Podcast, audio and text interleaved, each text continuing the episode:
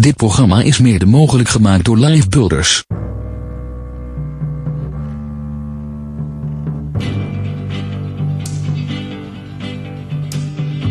Nobody knows the trouble that I've seen.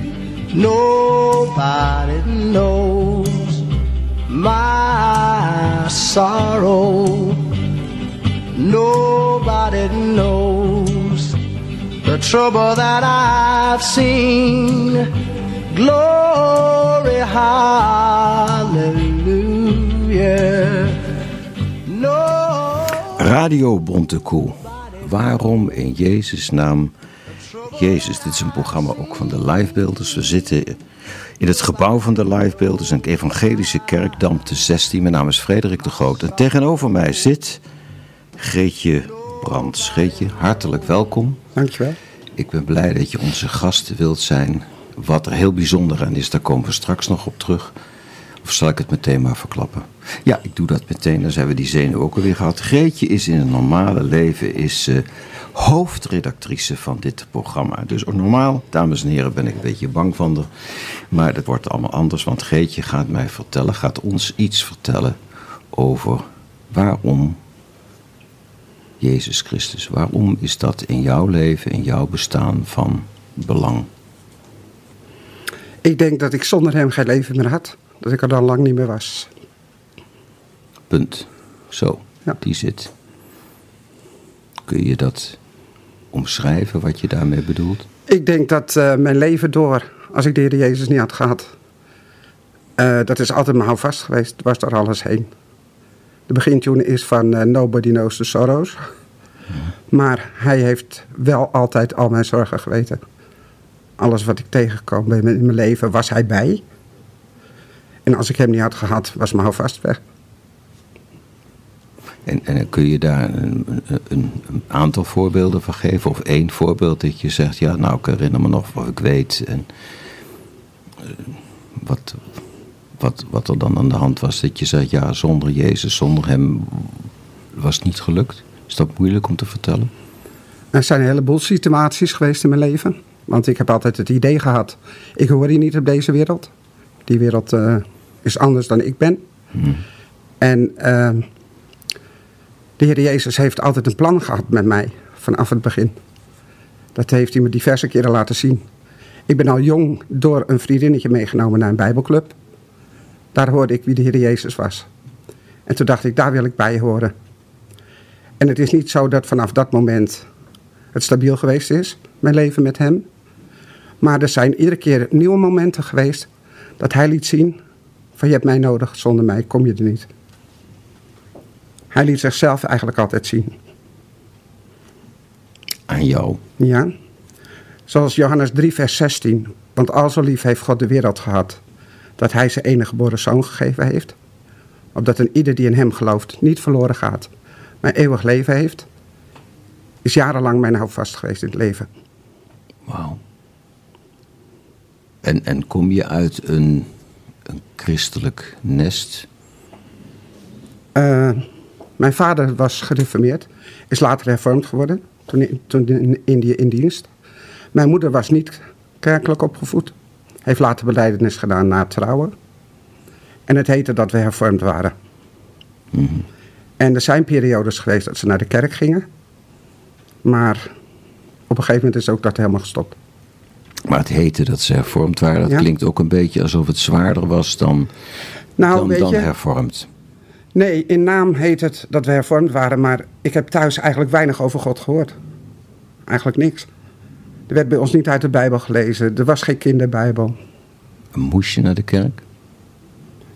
Eh, ik denk dat ik er weinig geweest ben. Ik denk dat er dus helemaal geen verplichting was. Maar er was wel een zondagschool van de hervormde kerk en dat vond ik wel leuk om naartoe te gaan. Dus, maar dat deed ik gewoon zelf. De, de, de Bijbelschool, de, de, school met de Bijbel bedoel je dat? Of de, de, de, Nee, echt op zondag. Op, zondagochtend? Zondag, onder de kerkdienst. Oh, nou. was, in de, was in een ander gebouw. En dat waren Was dan de eerste verhalen, waren dat over Jezus. En, en, en bij die verhalen dacht je al meteen als kind al van, dit hoort bij mij. Ja, ik denk onbewust. Ja. Want eh, toen ik zes jaar was, is mijn zusje overleden. En toen was mij wel verteld van ze krijgt nu een beter leven, want ze gaat naar de Heer Jezus en daar is het fijn. En ik weet nog dat op de dag van de begrafenis, dat iedereen zat te huilen en ik ben midden in de kring gaan staan. En ik heb gezegd, waarom huilen jullie? Jullie hebben me verteld, ze is naar de Heer Jezus en dat is fijn. Hoef je toch niet te huilen? Dus ergens van binnen had ik onbewust dat besef van de Heer Jezus, daar is het goed en daar is het fijn. En, en op je persoonlijke leven, hè? dus je, je verliest een zusje. Wat, wat heeft dat. Hoe oud was jij toen? Zes. Hoe, wat heeft dat met je gedaan? Op, op, op, even los van, van Jezus, van. Wat heeft je dat gedaan in het gezin of je Ik denk dat ik. eh, mijn moeder, die. Ik denk dat die in een depressie ging. Die ging voor het raam zitten de hele dag. En die keek eigenlijk niet meer naar mijn zusje en mij om. Wij zijn ook wekenlang door een dominee s'avonds naar bed gebracht. Want mijn vader werkte s'avonds. En eh, ik denk dat mijn moeder het idee had dat wij haar te veel waren. 'S middags hadden we meestal straf en mochten we naar bed. En is je moeder altijd in dat verdriet blijven hangen? Of ik is denk het dat- wel. Ja. Wauw. Dus dat verdriet draag jij voor een gedeelte altijd met je mee? Of is dat weggehaald? Of is dat... Eh, het beïnvloedt denk ik wel je leven onbewust. Want ik denk dat het nog niet zo lang geleden is dat ik daar pas achter gekomen ben. Een paar jaar geleden. Oké. Wat, wat, wat deed je vader voor? Als, Mijn eh, vader was buschauffeur, dus die werkte onregelmatig. Oké. En, en is er, kan je een moment herinneren dat je, dat je in de Bijbel bent gaan lezen? Of dat je... Ehm, even kijken, toen ik acht was, ben ik dus door een vriendinnetje meegenomen naar een bijbelclub op maandagavond. En daar vond ik het altijd fijn. Ook de dingen te horen uit de Bijbel. En eh, daar leerde ik ook dat je met de Heer Jezus op pad kon gaan.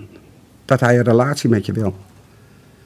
En eh, ja, ik was al veel te oud eigenlijk voor de Bijbelclub. Mocht blijven als, om te helpen op een gegeven moment. En zomers waren we op een Bijbelclubkamp. En daar heb ik iemand leren kennen. En die zat op een eh, jeugdgroep van een kerk. En zodoende ben ik eigenlijk met haar meegegaan op zondagavond daar naartoe. En vanaf die tijd heb ik eigenlijk meer een levend geloof gekregen. Ging de Bijbel lezen, ging bidden. Oké. En, en was je daar in, je- in, je, in je vriendenkring, was je daar heel alleen in? Of was dat... Nee, we trokken bij die eh, zondagavondgroep trokken we heel veel met elkaar op. Deden heel veel samen. Kwamen door de week bij elkaar. En eh, ja, dat was eigenlijk een groep waar we heel veel eh, mee deden. Wauw. Waarom Jezus? Omdat hij van me houdt. Zo. En nou wil ik ook van Jezus leren houden. Wat moet ik dan doen? Eigenlijk is er helemaal niet zoveel voor nodig. Ik denk eh, veel mensen dat ze te moeilijk denken om van Jezus te kunnen houden. Je mag eigenlijk gewoon zeggen, Heer, hier ben ik. Ik wil u volgen. Ik denk dat dat het begin al is. En dat volgen, dat heeft iets te maken met, met dat wandelen met God. Dat Ja. wandelen met Jezus. Ik wil u volgen, ik wil u. Heeft dat dan met dat volgen, dat vragen, heeft dat met vertrouwen te maken? Ja. Geloven is ook vertrouwen. Vertrouwen, Geloven kan je eigenlijk niet bewijzen. vertrouwen op wat? Eh, vertrouwen op ehm, dat het echt zo is. Dat is gewoon een vertrouwen. Wat is zo? Eh, dat God bestaat, dat Jezus er is. En dat hij ons ook de Heilige Geest gegeven heeft.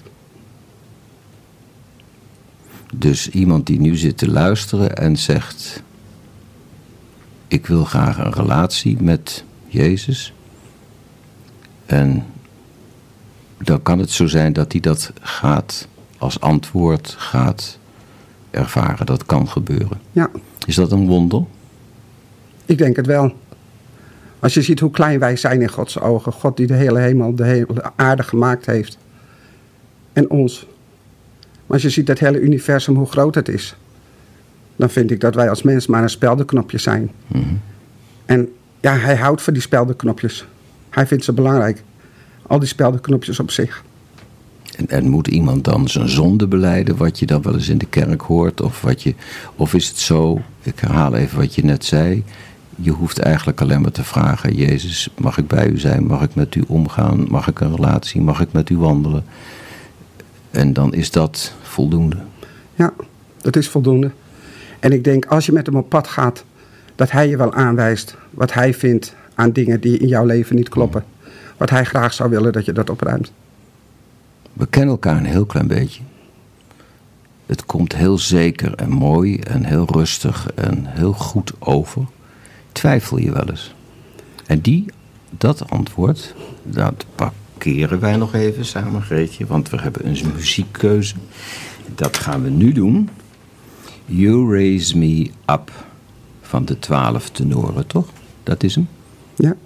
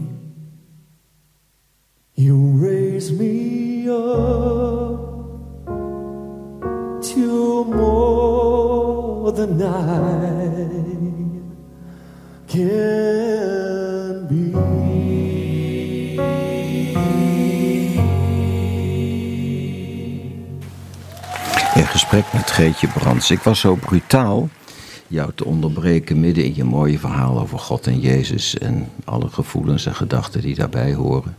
Twijfel je wel eens? Ik heb jarenlang getwijfeld. Het is nog niet zo lang geleden, ik denk een jaar of twee, dat sinds die tijd echt pas de twijfels weg zijn. Nou, je bent geen twaalf meer, dus, dus, dus, dat is Iets vrij- ouder. Ja, dat is dus op wat latere leeftijd kwam er weer het, een, een- misschien hetzelfde kwartje, maar op een andere manier. Zo zou je het dan misschien kunnen zeggen, zeg ik het goed? Want je bent, je bent even, dat denk ik dat dat klopt, eh, je bent gedoopt. Ja, klopt. Toen ik 17 was. Eerst als baby. Toen we nog naar de hervormde kerk gingen. Besprenkeld, maar dat wist je Toen ben ik besprenkeld, nee. Ja, geef daar geen antwoord op dat je dat nog weet, dat is En- niet zo. Nee. En toen was je 17. Toen en zat ik op de jeugdgroep op zondag. Ja, En eh, toen wilde ik me graag laten dopen. waarom? Eh, ik denk dat de Heer Jezus onszelf het voorbeeld gaf. Hij liet zich dopen door Johannes de Doper. Mhm. En als hij het nodig had, hij was zonder zonde, dan denk ik, ik heb het dan helemaal nodig. Maar een mens komt tot geloof, je vindt Jezus, je bent blij met God, God is blij met jou. En waarom zou je dan nog ergens, ik zeg het heel flauw, dan je in een bak water laten gooien en dan ben je... is- Heeft dat een, een betekenis? Kun je dat ervaren? Is dat belangrijk? Ik denk dat je het doet uit, eh, eigenlijk als een stuk eh, ja, gehoorzaamheid. Er staat ook in de Bijbel, bekeert u en laat u dopen. Dus eerst bekeren en dan dopen. Mhm. En ik denk, ja, een baby kan niet voor zichzelf kiezen. Ja. Dat is een stap wat eigenlijk de ouders doen. Dus vond ik het eh, normaal dat ik me ging laten dopen. Dus de doop is een bevestiging van de keuze die eerder gemaakt Ja. is. Een keuze om bij Jezus te horen, met Jezus te wandelen en dat soort dingen.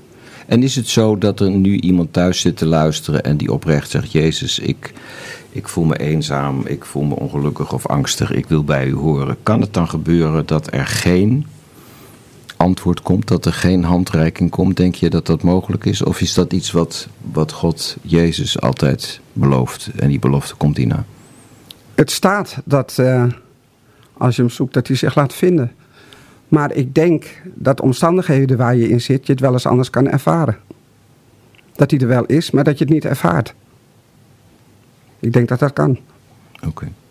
En dan heb je kans dat mensen eh, lang het gevoel hebben dat ze totaal eenzaam zijn, geen contact hebben met datgene waar ze naar verlangen. Ja. Heel iets anders. Er is vast ook sprake van een scholing, daar heb je iets over gezegd, en een carrière. Wat ben je gaan doen als. eh, Ik ben eh, verpleegkundige geworden. wat zo leuk, dat kan niemand zien, maar daar kijk je met een gezicht bij van wie er nou nog iets over te zeggen heeft.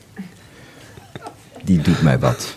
Wat is, waarom, waarom verpleegkundige? En de A-verpleging, Eh, B-verpleging? ik wilde eigenlijk eerst altijd onderwijzeres worden. Maar toen heb ik in, eh, toen ik 14 was, vakantiewerk gedaan. Ik was altijd al groot en stevig. Maar ik was een hele vroege leerling. Dus iedereen mocht vakantiewerk doen, maar ik was te jong. Ik had altijd een stukje leeftijd tekort. Maar toen heb ik eh, vakantiewerk gedaan bij demente bejaarden. In een particulier verpleeghuis in Haarlem. En dat vond ik geweldig. En eh, toen wilde ik eigenlijk de B-verpleging in, de psychiatrie. Maar dat mocht niet van thuis.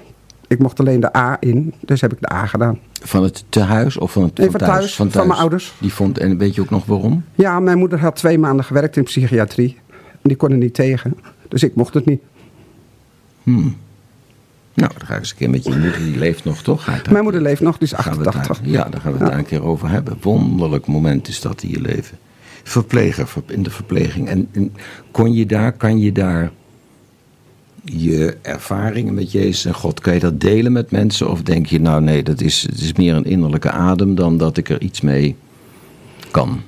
Er zijn wel gelegenheden geweest. Je gaat naar je werk en je bidt toch voor de dag. Zo van, heer, wilt u mijn dag leiden? En ik ben bereid om te vertellen van u als u de gelegenheid maakt. En die gelegenheden waren er eh, geregeld. Ja. Mooi. En, en ging je dan ook eh, zelf bijbelclubs eh, oprichten? Of ging je op straat staan om mensen te vertellen over God? Of is dat...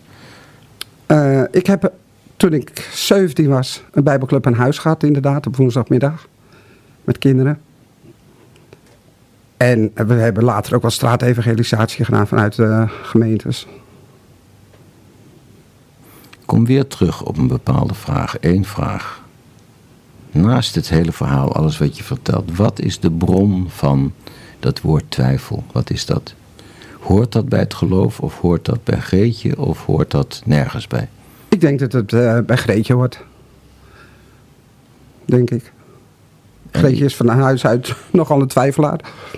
Maar heeft dat dan, want, want, want God heeft wel te maken, denk ik, met gezien worden. Hè? God ziet jou. Ja. En aanvaarden wij dat we gezien worden. Heeft dat iets te maken met dat zusje? Ik denk dat misschien daar in die jonge jaren van alles scheef gegaan is bij mij van binnen, denk ik. Ik zeg ook vaak, ik heb mezelf opgevoed. En ben een heleboel in de opvoeding tekort gekomen. En heb dat in de loop der jaren moeten leren. En eigenlijk pas de afgelopen jaren het meest, denk ik.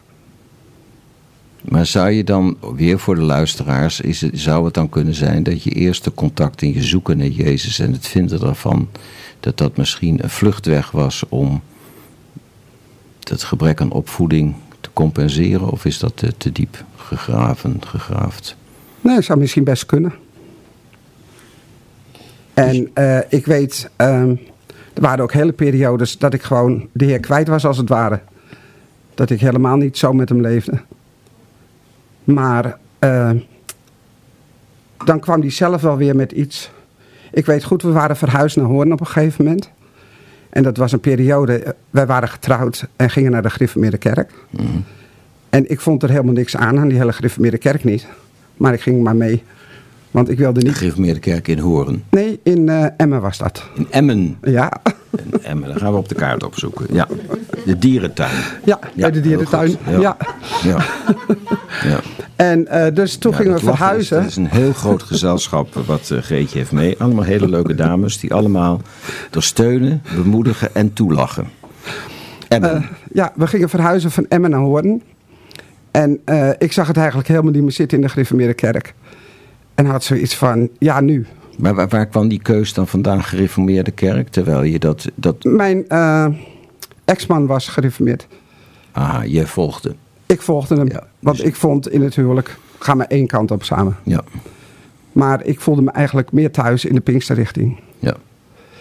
En ehm, toen zat ik s'avonds op de bank. Toen was het net of de heer zei van, wat doe jij nu met je geestelijk leven? En toen zei ik, ja heer, eh, we gaan naar die gereformeerde kerk, maar... Nee, zei de heer, dat vraag ik niet. Ik vraag, wat doe jij met jouw geestelijk leven? Maar dat hoor je letterlijk zo in je Ja. hoofd? Ja, ja. Wauw, lijkt Jeanne Ja. Dark wel. Ja, ja. toch? Ja, maar het was Ja, echt maar die zo. Zegt, Ja. die zegt dan, die, en, dat vraag ik niet. En wat vroeg hij En dan? ehm, toen zei ik eh, van, ja heer, maar ik weet hier helemaal niks. En eh, alleen die gereformeerde kerk. En twee dagen later lag er een blaadje in de brievenbus over avonden. En eh, mensen uit alle kerken waren daar welkom. En daar ben ik naartoe gegaan. in Emmen. Nee, hier. Dat was hier. Oh, Ja, dat was alweer hier. ja, het ah, gebeurde in Hoorn. bank. Ah ja. In. Blokker woonden we toen. Aha.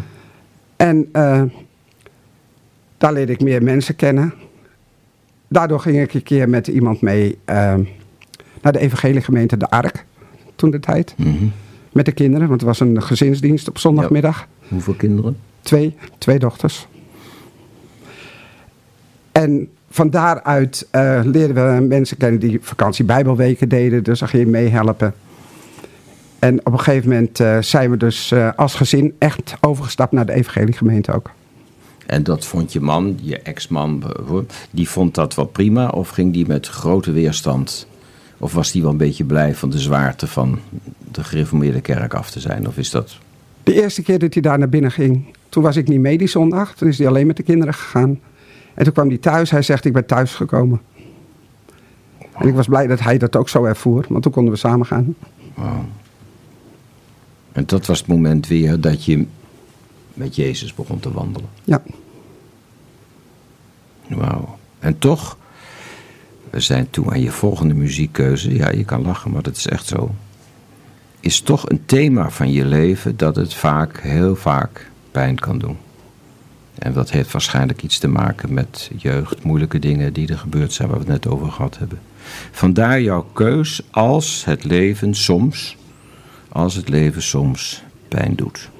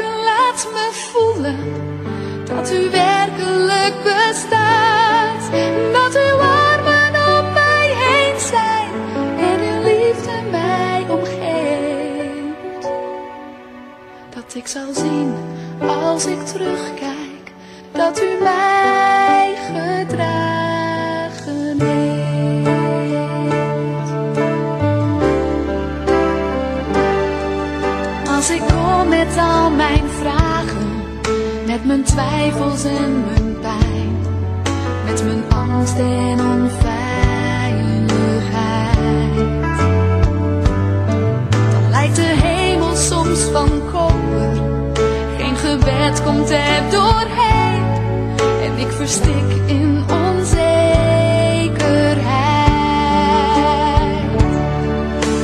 Juist op die momenten, als het echt niet meer gaat, laat me merken, laat me voelen dat u werkelijk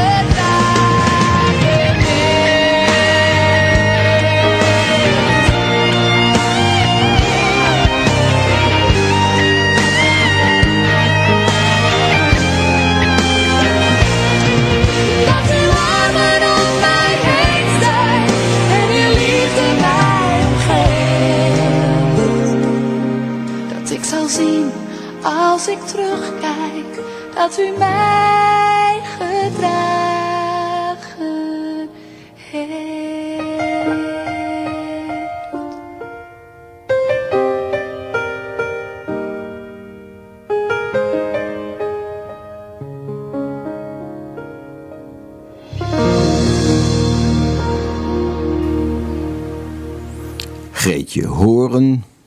Misschien allemaal een beetje door elkaar. Gezin, een nieuw leven met een nieuwe evangelische kerk, de Ark. En verpleging. En we weten dat jij heel belangrijk bent in de Oasis, een boekwinkel. Is, is- kun je daar die band leggen? Ben je ermee gestopt met de verpleging of ging het andersom? Eh, in het trouwen heb ik eigenlijk weinig gewerkt. Omdat we kinderen hadden. En ik vind, je, als je kinderen hebt, breng je ze niet altijd bij de oppas. Maar zorg je zelf voor je kinderen. En dat vonden wij met z'n tweeën belangrijk. Ja. Dus als ik werkte, was het meestal nachtdienst. ja. Want dan was Willem thuis. En toen wij naar Hoorn kwamen te wonen, heb ik dus ook geregeld avond- en nachtdiensten gedraaid. En vanaf 1993 ben ik werkzaam in de christelijke boekwinkel De Oase. De Oase zou dicht. Ik was ooit vrijwilligster geweest een aantal jaren daarvoor, maar was ik mee gestopt vanwege de kinderen. En toen zou die dicht, toen zijn we ervoor gaan bidden. En toen wisten we duidelijk dat het goed was dat we hem over gingen nemen. Als vrijwilliger. De boekwinkel helemaal overnemen. Ja. Wauw. En ik had dus ook geen idee waar ik aan begon. Want ik was verpleegkundige, dus had geen idee van boeken of wat dan ook. Maar er was iemand die deed een boekentafel bij de hervormde gereformeerde kerk. Zij bestelde geregeld boeken. Zo ben ik begonnen om een, ja, de boeken uit te breiden. Ik bestelde een beetje wat zij ook kocht. Ik denk, dat raak ik een haar wel weer kwijt. En vroeg heel veel bij de leveranciers. En zo ben ik er eigenlijk een beetje eh, ingerold. Wauw. En dat is dan een gelegenheid om mensen iets over het geloof te vertellen? Of dacht je, ik ga omzet draaien? Nee, eh, de omzet is belangrijk. Die heb je nodig om in stand te kunnen blijven. Om de winkel draaiende te houden. Maar ik denk dat we veel belangrijker vinden dat mensen daar binnenkomen voor een praatje. Mensen die in problemen zitten. Want het komt steeds vaker voor dat we ook in de oase bidden voor mensen. En de oase is op dit moment ook, daar kunnen mensen naartoe. Ja, en de oase is- waar, waar, waar is dat? Is dat In de Johannes Poststraat 58 in Hoorn. 58. En, Ja. en hoe laat ben je klaar met de koffie? Van dinsdag tot met vrijdag zijn we open van 10 tot half 6. En zaterdag van 10 tot 5. Mooi. Hele andere vraag, hè? de B-verpleging. Dan heb je te maken met mensen die in de war zijn of die het moeilijk hebben of wat dan ook. Is het dan mogelijk met ze te bidden? Mag dat? Kan dat? Of is dat een totaal andere tak van sport en word je geacht je mond te houden? En Ik heb natuurlijk in de A gewerkt, want de B mocht niet. Maar eh, ja, sommige, het ligt eraan waar je werkt. Soms wordt het zelfs gezegd van hier mag het niet, hier mag je niet bidden. Ik heb wel eens nachtdiensten gedaan in een humanistisch eh bejaardenhuis hier in Hoorn. En daar werd dus duidelijk gezegd, je bent christen, maar je mag hier niet evangeliseren. Maar er waren wel situaties, bijvoorbeeld in de nachtdienst, dat iemand belde. Helemaal in paniek. En dat ik daar stond. En dan heb ik zoiets van antenne uit naar boven. Heer, wat doe ik hier? En dat ik eh, een kruis zag hangen. En dat als inleiding kon eh, gebruiken eigenlijk. Van, u heeft een kruis hangen, gelooft u? En dat iemand zei van, eh, ja, ik vind het belangrijk dat kruis. Want dat doet me denken aan de Heer Jezus. En dan zei ik, maar u bent nu zo bang. Hoe komt dat dan? Is dat ook de Heer Jezus dat u zo bang bent? Nee, zegt ze. Dat zijn stemmen in mijn hoofd die zeggen van... eh, maak alles kapot, maak jezelf kapot. En dan maak ik wel van zo'n gelegenheid gebruik. Om te vragen, mag ik met u bidden? En dat mocht van die mevrouw. Dus de weken dat ik nachtdienst had, ging ik de eerste nacht alleen naar haar toe. Zonder mijn collega. En ging met te bidden. En de collega's zeiden altijd, ik begrijp het niet. Als jij nachtdienst hebt, belt ze niet s'nachts. Terwijl als anderen nachtdienst hadden, dan belden ze tien keer per uur. ben je beter in bidden voor andere mensen dan voor jezelf? Dat denk ik wel. De Lifebuilders, dat is een. Die zitten in dit gebouw waar we uitzenden, Damte 16. Dat is, een, is een, ook een evangelische Ook evangelie gemeente. gemeente. En, en, en vertel eens, hoe, wa- wa- waarom, waarom ga je daar naartoe? Waarom is die keus gemaakt? Wat is daar de. Eh Lifebuilders is een eh, plek waar je gewoon jezelf mag zijn. Waar ze je ook helpen daar waar nodig in je geloofsleven. Als jij zegt van ik kom daar of daar niet uit, is er altijd iemand die tijd vindt om je daarbij te helpen. Als je problemen hebt, bidden ze voor je. Ik denk dat het ook eh, het praktisch uitdragen van het geloof is. Zoals je in handelingen in de Bijbel leest. De Heer Jezus stuurde zijn discipelen twee en twee uit om de mensen te vertellen van het goede nieuws. Dus wie de Heer Jezus is. En ik denk dat in Lifebuilders ook daar een plek is waar je de Heer Jezus of kan vinden of beter kan leren kennen. Waarom is een programma als. Want deze vraag kan ik maar één keer stellen. Is een programma als waarom, in Jezus naam Jezus, waarom in jouw ogen, je bent hoofdredactrice, je belt de mensen, je verzorgt de mensen, je, je, geeft ze een cadeautje. Oh ik heb geen cadeautje voor je gekocht. Oh, jammer. Pech gehad. Ja. ehm, wa- waarom is dat is dat, is dat belangrijk? Dat, dat mensen het verhaal kunnen horen via de radio? Of Ik denk, de Heer Jezus geeft een opdracht van eh verkondig aan iedereen het goede nieuws. En ik denk dat ook door dit radioprogramma mensen het goede nieuws kunnen horen. Mensen die misschien ook denken, ik twijfel altijd maar aan wie de Heer Jezus is. Mensen die denken van, wat stelt mijn leven voor? Mensen die denken van, eh, ben ik het wel waard allemaal? Ik denk dat als mensen naar deze programma's luisteren, dat ze ook eh, kunnen ontdekken dat de Heer Jezus er voor hun wil zijn. Dat is allemaal een Radio Bontekoe, ook op Ja. de Middengolf 828. En als je nou terugdenkt, hè, eh, we hebben samen met elkaar, met Radio Bontekoe, hebben we over de 40 interviews gedaan. Is er dan iets wat je, wat je bij is gebleven qua interactie? Of dat je denkt, ja, daarom, dat was het moment dat ik dacht, ja, Reetje, daarom doe ik het. Want je bent van de zingeving. Hè? Je, hebt, je bent iemand die zich heel vaak afvraagt, dat hoor ik in je verhaal van waarom doe ik het eigenlijk? Waarom ben ik hier? Waarom ben ik hier op aarde? Wat is enzovoort? Kan je dat zeggen? Ja, dat, nou weet ik waarom we dat programma maken. Ik denk dat we het maken omdat we het belangrijk vinden dat eh, mensen om ons heen ook de Heer Jezus gaan kan, je leren kennen. moment, kan je een moment herinneren dat je, dat je denkt, oh ja, dit is het moment dat iemand iets riep of iets zei? Of, het hoeft niet, maar Nee, dat niet echt. nee. Er waren heel veel mooie momenten voorbij ge- gekomen zijn. Ja, weet je, is- iedereen heeft zijn eigen verhaal hierin. En ik denk dat in iedere, ieder programma wat we gemaakt hebben tot nu toe, dingen zitten van wauw. Want ieder heeft zijn eigen leven met eh, de Heer Jezus. Ieder op zijn eigen manier. Ja. Dat is het mooie van de Heer En Jezus. ieder op zijn eigen manier een leven zonder Jezus. Tot Ja. het moment de, de omkering of wat dan ook komt.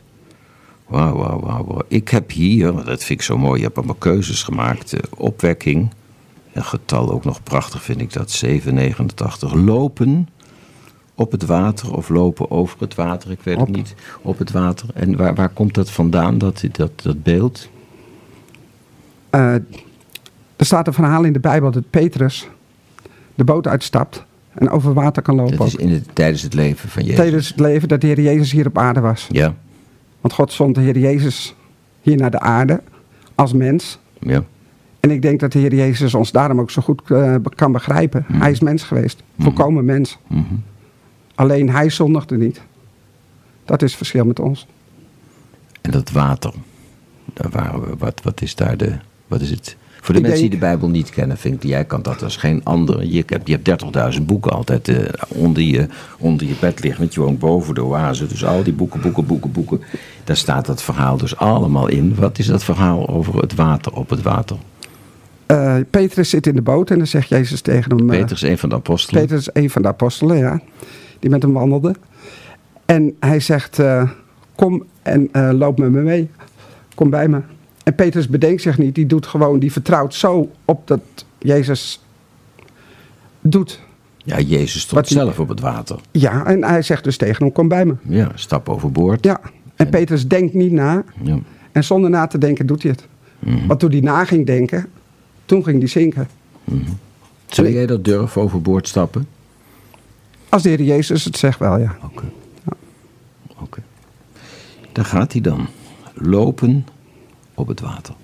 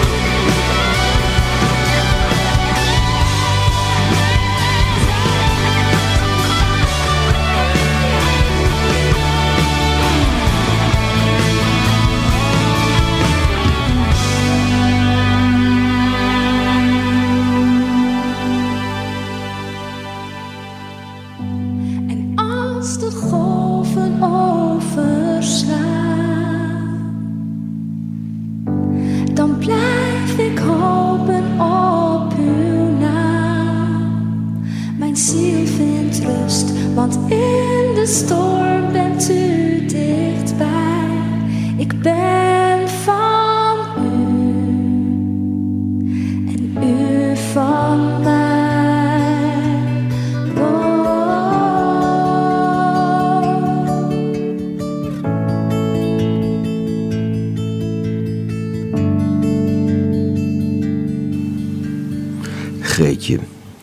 Ik heb hier een papiertje voor mij, dat komt van de hoofdredactie. Ik weet niet hoe dat hier komt, maar in ieder geval de hoofdredactie, wie dat geschreven heeft, is, weet ik niet, geen idee. Daar staat, het is echt waar, dat is mijn spiekpapiertje, januari Hermans. Wat is dat? Eh, Hermans, dat is ongeveer 2,5 jaar geleden. Toen zat ik in mijn leven in een periode van echtscheiding. En ja, daar had ik af en toe gesprekken met iemand. En, En Hermans is een, is een Hermans is een eh, kantoor. Ja, ja, kantoor. gebouw. Ja. Ja. Van de firma Hermans. Ja. van de firma Hermans. Oké. En in dat kantoorpand eh, hield iemand kantoor. Een zekere Frederik de Groot. En daar had ik een gesprek mee op dat moment. En heel vaak vragen mensen niet door over je geloofsleven, heb ik ontdekt. Mensen nemen heel vaak dingen aan over geloofsleven van mensen. Maar op dat moment werd mij gevraagd, leg mij eens uit. Hoe vertel jij het evangelie? Vertel, leg het evangelie eens uit aan een kind. Wat vertel je dan? En ik ging uitleggen van dat God er is als schepper van hemel en aarde. De Heer Jezus die voor ons aan het kruis gestorven is om onze zonden te dragen. En de Heilige Geest die hij ons gegeven heeft. En ik dacht dat ik klaar was. Maar toen kwam de vraag, ik mis er iets, of werd gezegd, ik mis er iets in. En ik had geen flauw idee wat erin miste. En, maar ik merkte op dat moment voor het eerst in mijn leven dat ik het eigenlijk niet erg vond dat ik geen antwoord had. Ik durfde me op dat moment kwetsbaar op te stellen en dat was voor mij helemaal nieuw. En ik ging zitten denken en ik wist het niet. En ik ging nog een keer vertellen en ik moest nog een keer vertellen. En ik kreeg te horen, nou blijf rustig zitten, anders wordt het vanavond negen uur. Als ik niet gehoord heb wat ik horen wil. En ik had zoiets, het is pas half vijf. Dat duurt nog heel lang. Maar op een gegeven moment ging ik er nog eens over na zitten denken van wat mist er dan in? En ineens viel het kwartje.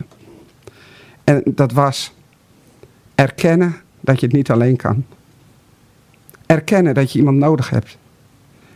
Erkennen dat God en de Heer Jezus en Heilige Geest er voor je willen zijn, maar dat je het moet erkennen. En toen dacht ik, wauw, dit stuk heb ik eigenlijk altijd gemist. Op dat moment dat het kwartje viel, realiseerde ik me eigenlijk helemaal niet wat er echt gebeurde. Dat kwam eigenlijk pas in de dagen daarna. Het was op zaterdag dat we dat gesprek hadden. En op zondag wist ik het ook nog niet zo goed onder woorden te brengen. En op maandag loop ik in Amsterdam. En toen dacht ik, ik heb vlinders in mijn buik, hoe kan dit? En toen dacht ik, hè, ik ben verliefd. Op de Heer Jezus. En altijd als ik hoorde over de eerste liefde. Dat je, er staat ook in de Bijbel, ga terug naar je eerste liefde. Die heb je verzaakt. En ik heb me vaak afgevraagd, heb ik die eerste liefde wel? Weet ik hoe dat is? En op dat moment ervoer ik het dus echt. Dat het er is. En ik heb Frederik toen een app gestuurd. Eerst had ik alleen maar neergezet, ik ben verliefd. Ik schrok me dood.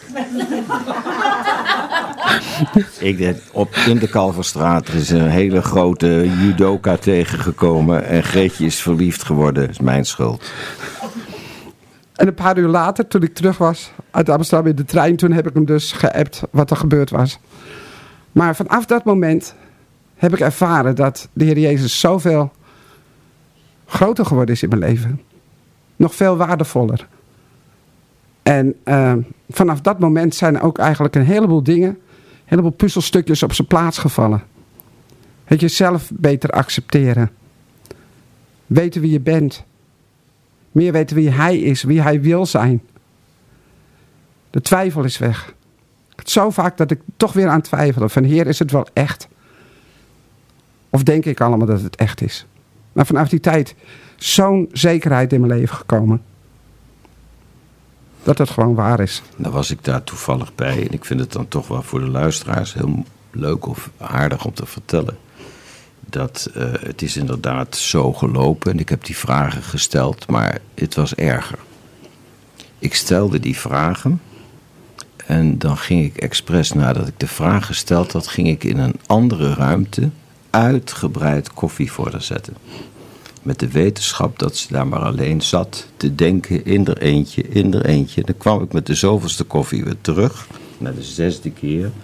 En zeg, en, wat is het antwoord? Wanhoop. Ik heb zelden zoveel wanhoop. Nou, een beetje praten, een beetje dit. En dan ging ik weer koffie zetten. En de zesde, zevende keer toen zei je, het heeft iets te maken met, nou dat heb je dan net allemaal op een prachtige manier eh, verteld. Oeh, ik krijg het er warm van. Sela, je hebt gekozen, maar waarom ik? Nee, dat hebben we Peter, dat hebben we niet in huis. Ah. Wat is, wat is Sela? Ik zal er zijn. Dat is een nummer wat je gekozen hebt. Cella is een groep. Ja, een groep. Oh, En ik zal er zijn, dat is, dat is dan Jezus altijd? Is ja, dat? Ja. die is er altijd. Ja. Je, je, bent, je bent in de winkel, hè? Even, even wat anders. Je bent in de winkel, er komt een klant binnen. En hoe, hoe begin je nou... Hoe doe je dat dan? Dus het lijkt zo makkelijk. Dan ga je praten over het geloof. Over, je, je bent niet in eerste instantie bezig met boeken te verkopen. Maar je bent, je bent er voor de ander. Je biedt iemand een kop koffie aan. Kan je meteen zien of iemand in gewetensnood is. Of dat iemand een, een slecht gevoel over zijn eigen leven heeft. Hoe gaat zoiets dan? Je ziet het niet altijd direct. Je hebt zo'n verscheidenheid aan klanten. De een komt binnen, weet precies wat hij hebben wil. En is binnen twee minuten weg. Je hebt mensen die lopen echt te dralen. En dan heb ik zoiets van, hé. Hey. En dan heb ik zoiets van, hup, vol spriet uit naar boven, heer. Mag ik hier wat? En dan heel vaak dat je een ingeving krijgt van vragen eens naar dat of naar dat. Dan krijg je een ingeving van. Bijvoorbeeld vragen is, eh, oh, u, u kunt, kunt u het vinden? Begin je gewoon een gesprekje. En dan ondertussen blijf je nadenken van, wat kan ik eh, verder nog voor deze persoon betekenen? En dan soms komt het op dingen waar je zelf na afloop verbaasd van bent dat een gesprek zo liep. Dat je die vraag Dat, ook. ja, dat iemand bijvoorbeeld zomaar een probleem op tafel legt waar die mee zit. Of waar die niet uitkomt. wow. Dus dat is de functie van. Ik vind dat ook een functie van een christelijke boekwinkel. Mooi. Ja. Ik zal er zijn. Peter is een, een hele goede zoeker. En wie zoekt zal vinden. En wat vinden we daar in de computer? Heel diep in de computer. Ik zal er zijn van de groep Sela.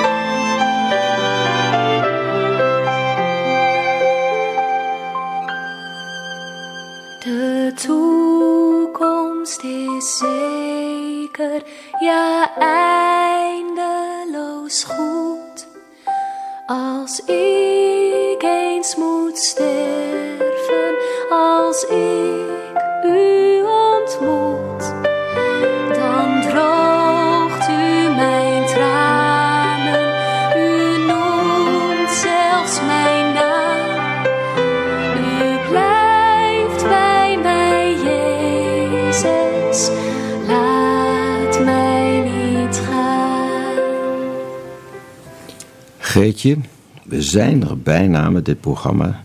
Dank voor het gesprek, maar ook dank voor alle uren die je besteed hebt aan dit programma als redactrice, hoofdredactrice. Daar zijn we allemaal heel blij mee. Vlak voor het sluiten van de radiomarkt.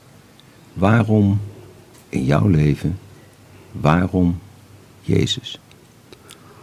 Omdat hij het bestaan is van mijn leven. Zonder hem was ik er niet. Ik heb vaak genoeg in het raamkozijn gestaan om te springen. Omdat ik het niet meer zag zitten.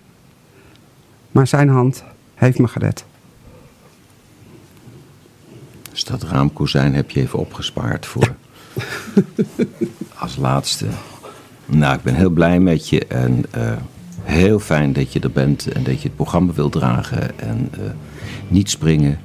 Geloof, vertrouw en dank voor het gesprek. The trouble that I've seen. Nobody knows my sorrow. Nobody knows the trouble that I've seen. Glory, hallelujah. Nobody trouble that I've seen. Nobody knows my my sorrow. Nobody knows the trouble that I've seen. Glory, ha, glory, hallelujah. Sometimes sometimes I'm down. Oh, yes, Lord. You know, sometimes I'm almost to the ground.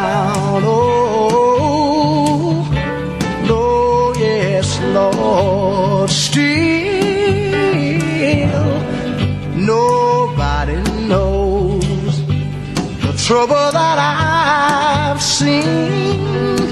Nobody, nobody knows my my sorrow. Nobody knows the trouble that I've